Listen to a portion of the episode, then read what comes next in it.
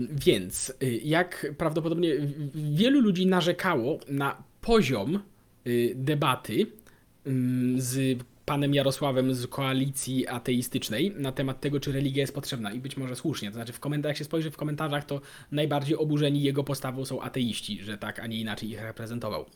I być może nawet trochę słusznie. Y, więc z tej okazji również napisał do mnie jeden z widzów, niejaki Mateusz, o ile się dobrze pamiętam tak? Z chęcią przedstawienia lepszej, lepszych argumentów, że tak powiem, w tym temacie, ponieważ jest, jest też tym zainteresowany. I ja chętnie tutaj przeczytam właśnie jego, jego y, maila od niego i będę się do niego odnosił bo na bieżąco, ponieważ rzeczywiście przedstawił tutaj jakieś argumenty. Wydaje mi się, że ta dyskusja, ta, ta, gdybym miał dyskusję z nim, to byłaby ona znacznie bardziej merytoryczna niż tamta, którą miałem, ale, ale tamta dyskusja też, to, no cóż, też może posłużyć jako, że tak powiem, przestroga, że, że takie, takie zjawiska, że tak powiem, jak tam mieliśmy widzieć, istnieją. Mm, a więc czytam. Mm, hej Szymon, piszę z komentarzem do Twojej ostatniej debaty na YouTube. Debata, czy religia jest potrzebna? Szymon mówi versus koalicja ateistyczna. Napisałem też odpowiedź pod filmem, ale tam jest taki przemiał, że w pewnie nie dasz rady zauważyć. To prawda, pod tamtym filmem jest 1700 komentarzy, więc nie, nie dałbym rady yy, zauważyć. Komentarz będzie dość długi, yy, ale będę wdzięczny, jeśli znajdziesz chwilę, żeby się nad nim pochylić. Chciałem podjąć, y, podjąć się sensownej dyskusji na temat przydatności religii. Super. Poruszę to, co odebrałem jako najważniejszy punkt rozmowy, czyli przytoczonych przez Ciebie badań naukowych. Sam poznałem część z nich kilka lat temu i na pewno wpłynęły na moje postrzeganie religii. Fantastyczna sprawa, że naukowcy zabrali się do rzetelnej analizy te tematu. Warto jednak zwrócić uwagę na to, że są to pierwsze analizy i nie da się na ich podstawie wyciągnąć ostatecznego wniosku. Co przez to rozumiem? Dwa przykłady. Na starcie zauważę, że sam autor w Religion and Health, Public and Health Research and Practice zwraca uwagę na konieczność dalszych, dokładniejszych badań, no i tu jest cytat z ostatniego rozdziału. Po drugie, Religion, Religion in Everyday Life y, przedstawia korelację między deklarowaną religijnością a deklaracjami co do uczuć, odczuć, co do odczuć zachowań. Jest to bardzo ciekawy zestaw badań, ale należy pamiętać, że to tylko deklaracje, więc są bardziej podatne na błędy poznawcze czy zwyczajowe, Y, czy zwyczajowe problemy ankiet, jak zrozumienie pytań, szczerość, etc. Na przykład ludzie religijni mogą być niezadowoleni z życia w podobnej proporcji jak ateiści, tylko znacznie rzadziej deklarować niezadowolenie. Myślę, że dość zabawnym zobrazowaniem mojego przekazu jest rozdział Little Connection Between Religion and, live, and Living a Healthy Lifestyle, który stoi w kontraście do wspomnianego y, poprzedniego badania. I tak, tu jest całkiem sporo y, punktów. To znaczy tak, y, y, te badania, czy te badania są nowe? No te badania trwają już kilkadziesiąt lat, więc nie są takie całkiem świeże. Natomiast jak najbardziej zgadzam się, że ten temat y, trwa i jest rozwijany i oczywiście, że należy głębo, głębiej się temu przyglądać. Jasne, nie ma tutaj żadnego, y, żadnych wątpliwości. Y, jednocześnie mm, pojawia się tutaj zarzut taki, że a propos zadowolenia z własnego życia i poczucia szczęścia i tak dalej, pytane są tylko o, pytania są tylko o deklaracje. I oczywiście, ale zwróćmy uwagę na to, że zadowolenie z własnego życia, no to jest rzecz z definicji subiektywna, prawda? Czy poczucie szczęścia. No to nie ma innego sposobu na badanie tego niż ankiety niż, niż pytanie, ponieważ no, odpowiedź no, to jest z definicji. Przecież no, no, nie można uzyskać tego na to w żaden inny sposób. A co więcej, te badania y, są, y, są przefaktorowywane tak, żeby były zadawane w jak najbardziej obiektywny sposób. I to jest słuszna uwaga, że pytania ankietowe nigdy nie są y, tak dobre jak badania empiryczne, ale to są najlepsze badania, jakie możemy wyprowadzić w tego typu dziedzinach, jak właśnie na przykład poczucie szczęścia czy zadowolenie z własnego życia. Więc no, można powiedzieć, że to są niedoskonałe badania. To prawda, ale nie mamy lepszych badań. W sensie nie mamy lepszego argumentu w tym temacie, poza tymi badaniami ankietowymi. No w sensie, no sorry, w sensie, no nie wiem, co tutaj moglibyśmy po prostu więcej, yy, więcej dodać po prostu, więc więc, więc po prostu nie ma co gdybać. W sensie to jest najlepsze narzędzie, jakie do tej pory. Jakie do tej pory. Jeżeli się go, je odrzuca, no to pytanie brzmi, czy też by się odrzucało tego typu badania w innych dziedzinach, czy odrzucamy je tylko w tym temacie, w których, że tak powiem, wniosek nam nie do końca się pasuje. No ja, ja nie, nie, nie mówię, że tak jest w Twoim wypadku, tylko po prostu, no, no mówię, no w sensie korzystamy z najlepszych dostępnych yy, środków. A kolejna kwestia, to jest taki argument, że. Yy, może na przykład, być może ludzie religijni mogą być niezadowoleni z życia w podobnej proporcji jak ateiści, tylko znacznie rzadziej deklarować niezadowolenie. To jest rzecz, która, to jest argument, który się przewija w tego typu poważnych, poważniejszych, że tak powiem, debatach bardzo często. A być może ludzie religijni kłamią. Skąd ten pomysł? Czy mamy jakieś argumenty na poparcie tej tezy? W sensie, no przecież, przecież tego nie wiemy. Przecież, no wyobraźcie sobie, że ktoś mówi, a może to ateiści są bardziej, jeszcze bardziej szczęśliwi i kłamią, że są tak naprawdę szczęśliwsi. No w sensie oczekiwalibyście, że taka osoba poda jakieś, jakąś argumentację, a za, zamiast stwierdzenia być może. No bo jeżeli stwierdzamy być może, no to możemy sobie przecież y, cokolwiek zapostulować, prawda? No w sensie ktoś mógłby zapostulować, a może ateiści kłamią w tych, w tych ankietach, prawda? No w sensie, dopóki się nie przedstawi jakichś argumentów za tym, to nie ma sensu gdybać. Ponownie, ja zdaję sobie sprawę, że tego typu ankiety są niedoskonałe, ale nie mamy lepszego, nie mamy lepszego narzędzia do badania tego, więc a, a gdybanie, a takie zakładanie, a, a, a ludzie religijni pewnie częściej kłamią. No w sensie, na jakiej podstawie tak ktoś zakłada? Jestem bardzo ciekaw.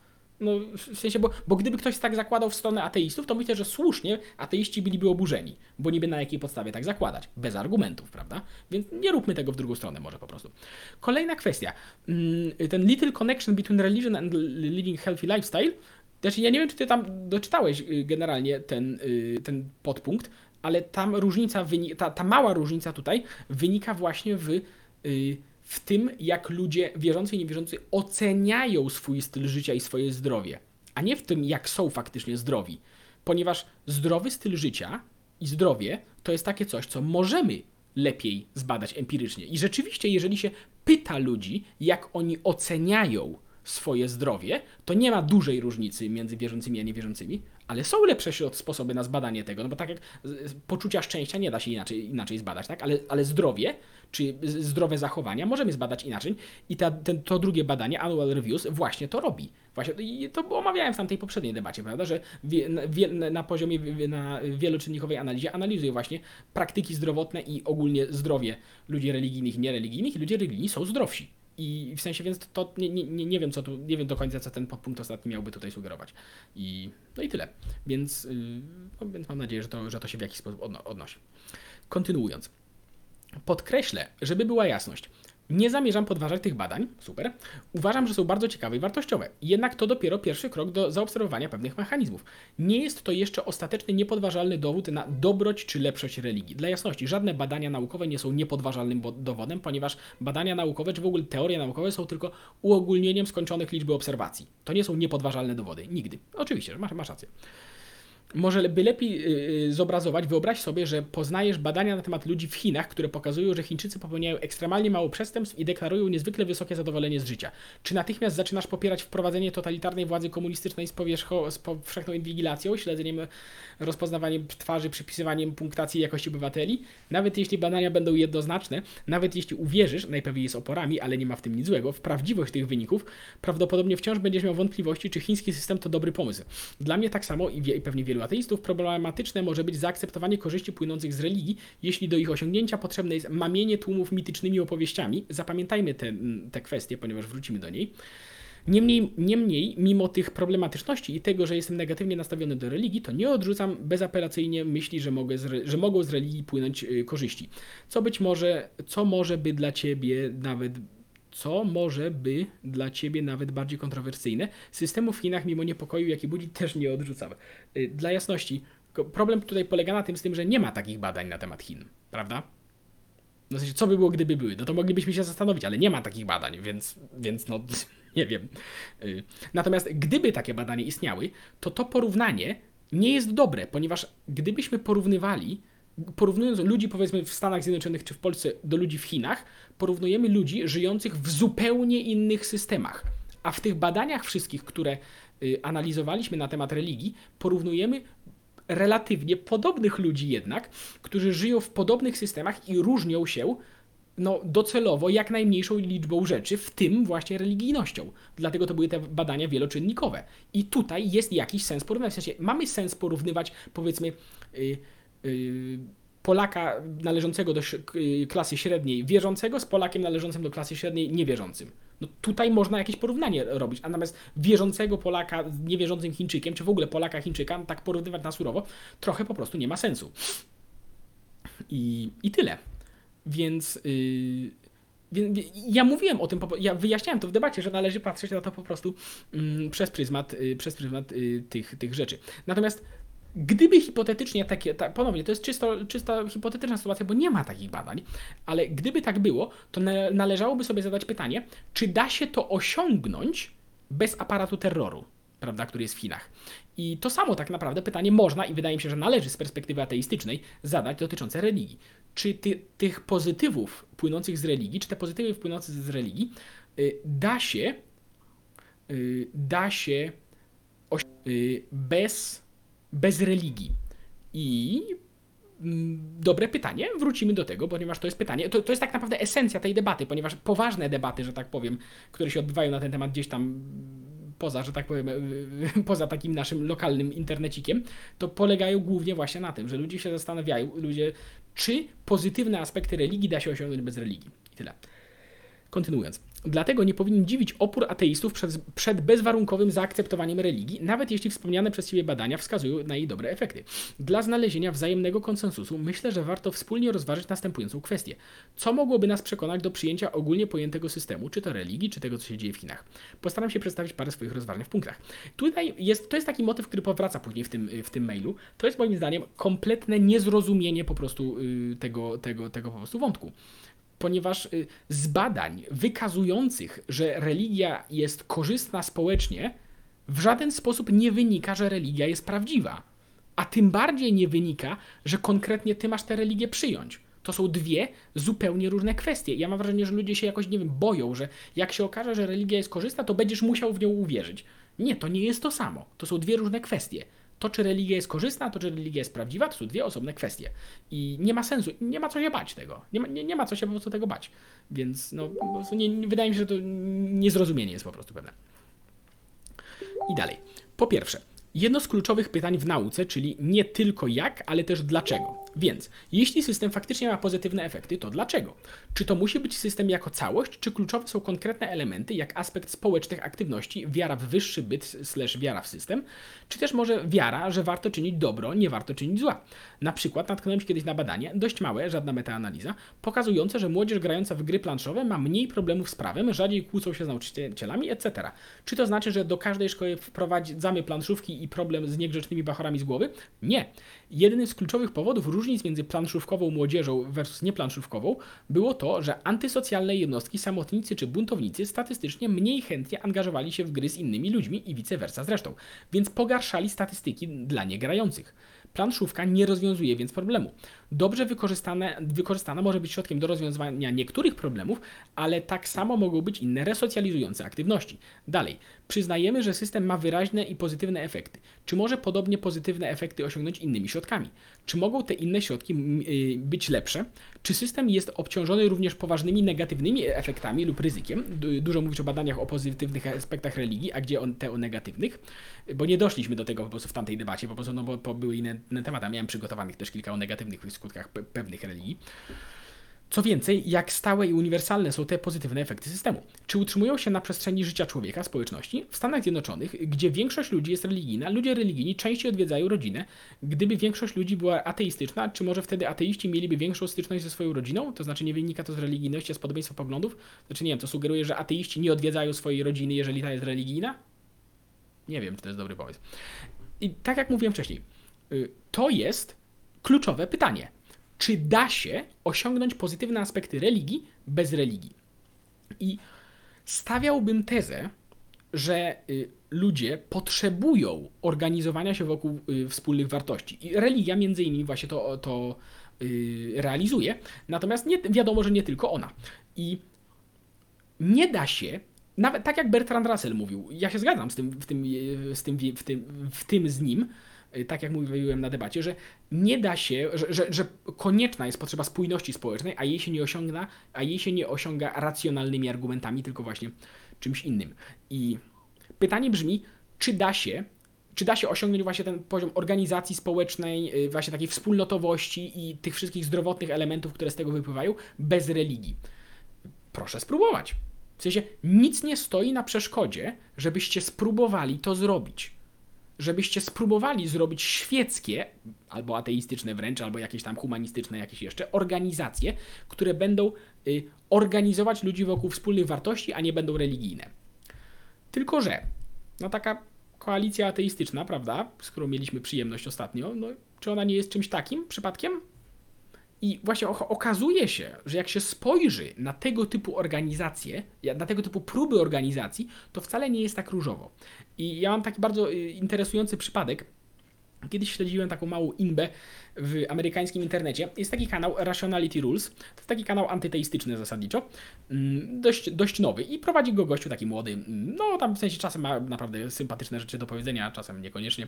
I y, kiedyś on został zaproszony do, y, do amerykańskiego Stowarzyszenia Antyteistów. To jest American y, Atheist y, Association, czy jakoś tak. No, nie pamiętam dokładnie jak się to nazywa.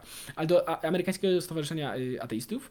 I on był taki, że tak powiem, cały w skowronkach, tak, nagrał film, jak się cieszy, że zostanie tam zaproszony, że pozna Mata Dilla Huntiego i tych wszystkich jego bohaterów i wystąpi tam u nich w tej telewizji internetowej ichniejszej. I jak wspaniale, i cudownie, i wspaniale. I pojechał tam, nagrał z nimi wywiad, yy, no widać było, że po prostu spełnienie marzeń i świetnie, super, bardzo fajnie, że się cieszy, tylko, że yy, dwa dni po tym, jak on został opublikowany na tym y, kanale, na tym kanale ichniejszym, y, ta organizacja ateistyczna amerykańska y, publicznie wydała oświadczenie, że potępia go jako, potępia jego działalność, odcina się od niego i usuwa jego materiał, materiał z nim i nie chce mieć nic wspólnego z tym panem.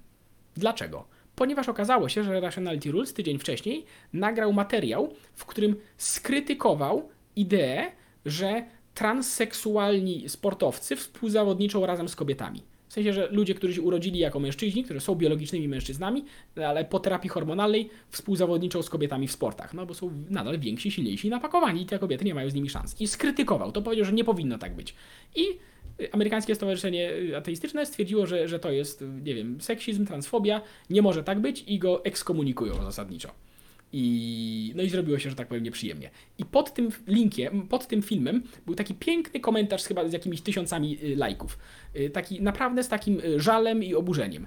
Dlaczego wszystkie organizacje ateistyczne muszą degenerować się do fanatyzmu? Nie wiem. I być może, znaczy jestem pewien, że to jest delikatna przesada, ale mm, być może patrząc na tego, patrząc na tego typu organizacje, no to tego typu zjawiska nie są jakoś radykalnie rzadkie. I ponownie, koalicja ateistyczna jest tego przykładem. I nie tylko ta, ta, tamta debata, również to, co się działo na dniach ateizmu, to, co również cytowałem, co bardzo słusznie wzbudzało oburzenie sensownie myślących ateistów, prawda? Ale będących w mniejszości jednocześnie. W tamtym, w tamtym środowisku przynajmniej. Mm, być może bierze się to z tego, że religie, te stare religie, przez to, że były rafinowane przez, yy, przez, przez tysiąclecia tak naprawdę, to są relatywnie mało dogmatyczne w porównaniu do tego, jak normalnie dogmatyczne i fanatyczne potrafią być organizacje ideowe. No bo zobaczcie, że wśród ludzi religijnych, wśród milionów, miliardów ludzi religijnych, niebezpiecznych fanatyków mamy jakieś ułamki procentów przecież, prawda? I to jest bardzo rzadki generalnie przypadek. Y, natomiast jak się popatrzy na jakieś inne organizacje ideowe, jakieś nacjonalizmy, feminizmy, czy nie wiem, bojowników o sprawiedliwość społeczną i tak dalej, to to wydaje mi się, że wygląda to już te, pro, te proporcje inaczej. Nie wiem, nie wiem. W sensie y, poddaję to do rozwagi. Nie twierdzę, że tutaj jest jakaś definitywna odpowiedź na ten temat. Natomiast mm, skąd pomysł, że świeckie organizacje byłyby mniej fanatyczne czy mniej dogmatyczne niż organizacje religijne, y, też ideowe. W sensie wydaje mi się, że takie, no, że te ma, to małe doświadczenie, które mamy w tym temacie, te małe przykłady, które dotychczas są organizowane, świadczą raczej przeciw temu. Ale zachęcam do rozważenia tego, w sensie nie wyczerpuję to tematu absolutnie. Natomiast ponownie, dogmatyzm i fanatyzm nie są y, wynikiem religii, tylko są wynikiem właśnie organizowania się wokół świętych wartości, a nie możemy tego uniknąć. Nie da się tego uniknąć po prostu. Kontynuując. Innymi słowy, jeśli uda się zebrać zestaw pełnych i przekonywujących badań potwierdzających, że system ma zdecydowanie dobry wpływ na wiele kluczowych elementów w życiu, zyski systemu znakomicie przewyższają efekty negatywne danego systemu, nawet uwzględniając rzeczy, o których napisałem w poprzednim akapicie, nie ma innej bezpośrednio lepszej alternatywy, osiągnięcia podobnych efektów jak dany system, a przynajmniej aktualnie, to zaakceptowanie i stosowanie danego systemu będzie logicznie rzecz biorąc najlepszą możliwą strategią, nawet jeśli co nam się to nie podoba. Nie wiem jednak, jak to odbierają ludzie religijni, ale moim zdaniem takie podejście dewaluuje religię. Bo nawet jeśli religia spełnia powyższe warunki, to przestaje być wartością, a staje się tylko narzędziem do osiągania wartości. Znajdzie się strategia lepsza, to starą wywalamy do kosza. No tak, w sensie religia, w sensie zorganizowany kult, w sensie religia na warstwie organizacyjnej, jest środkiem, a nie celem samym w sobie. W sensie ona jest, jest, yy, w sensie nie jest celem. My wierzymy, że yy, wierzymy nie dla samej religii przecież, tylko dlatego w nadziei, że ona doprowadzi nas do czegoś większego. I w sensie, oczywiście masz rację. W sensie, religia nie jest celem samym w sobie. Absolutnie nie.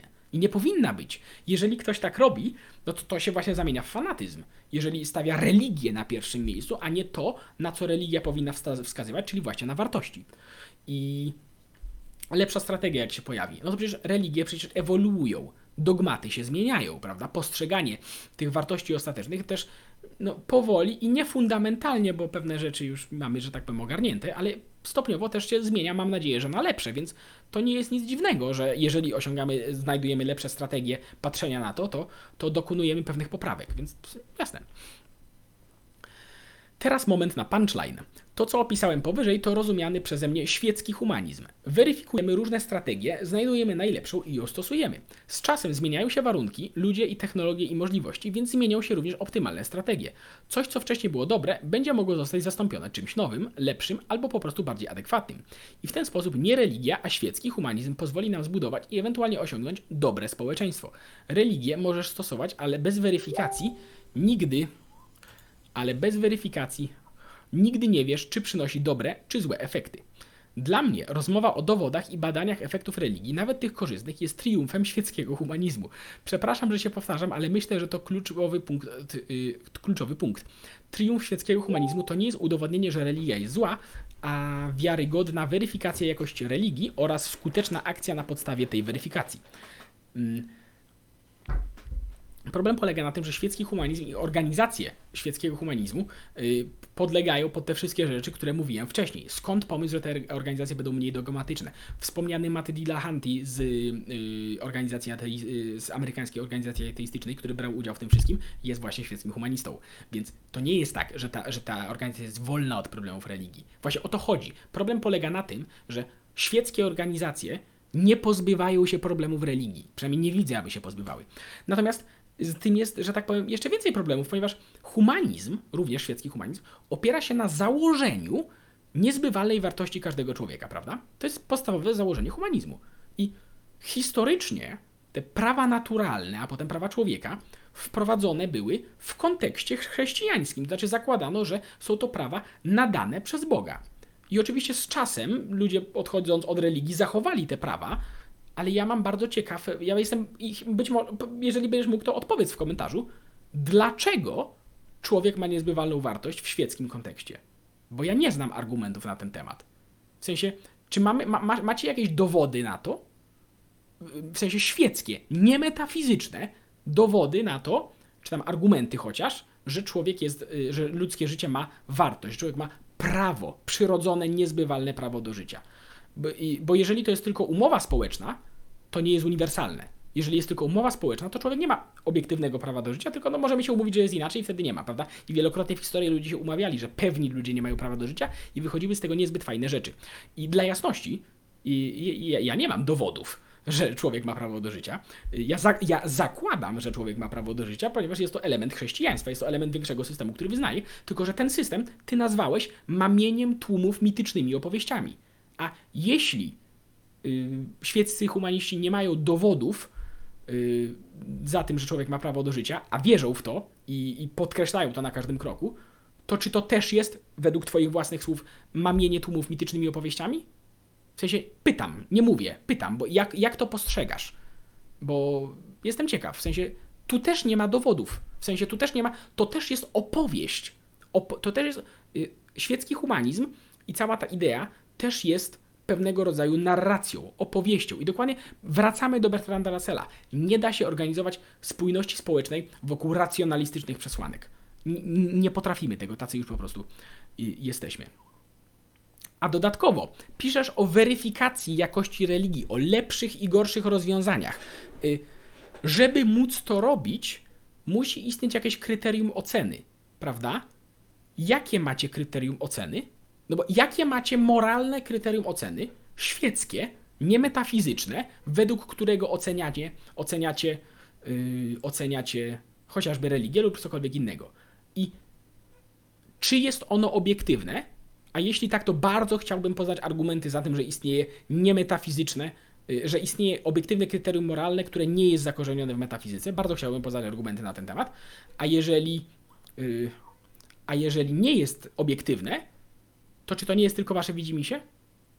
No w sensie, tu jest masa problemów. I ponownie, ja nie twierdzę, że wyczerpuję tutaj temat. I zachęcam do rozważenia tego wszystkiego ze strony widzów. I, i tyle. Bo ponownie te alternatywy dla religii po prostu moim zdaniem y, nie rozwiązują problemów, które są w religii, a dodatkowo wprowadzają kolejne problemy. Mam takie wrażenie. Kontynuując. Zaznaczę tylko, że nie jestem żadnym filozofem, ani nie należę do żadnej organizacji, więc reprezentuję tylko i wyłącznie swoje poglądy. Ja mogę powiedzieć o sobie to samo. Ja też nie jestem filozofem, także jeżeli cokolwiek mówię na temat filozofii, to bierzcie to wszystko z przymrużeniem oka i odrobinę krytycznie do tego podchodźcie. podchodźcie.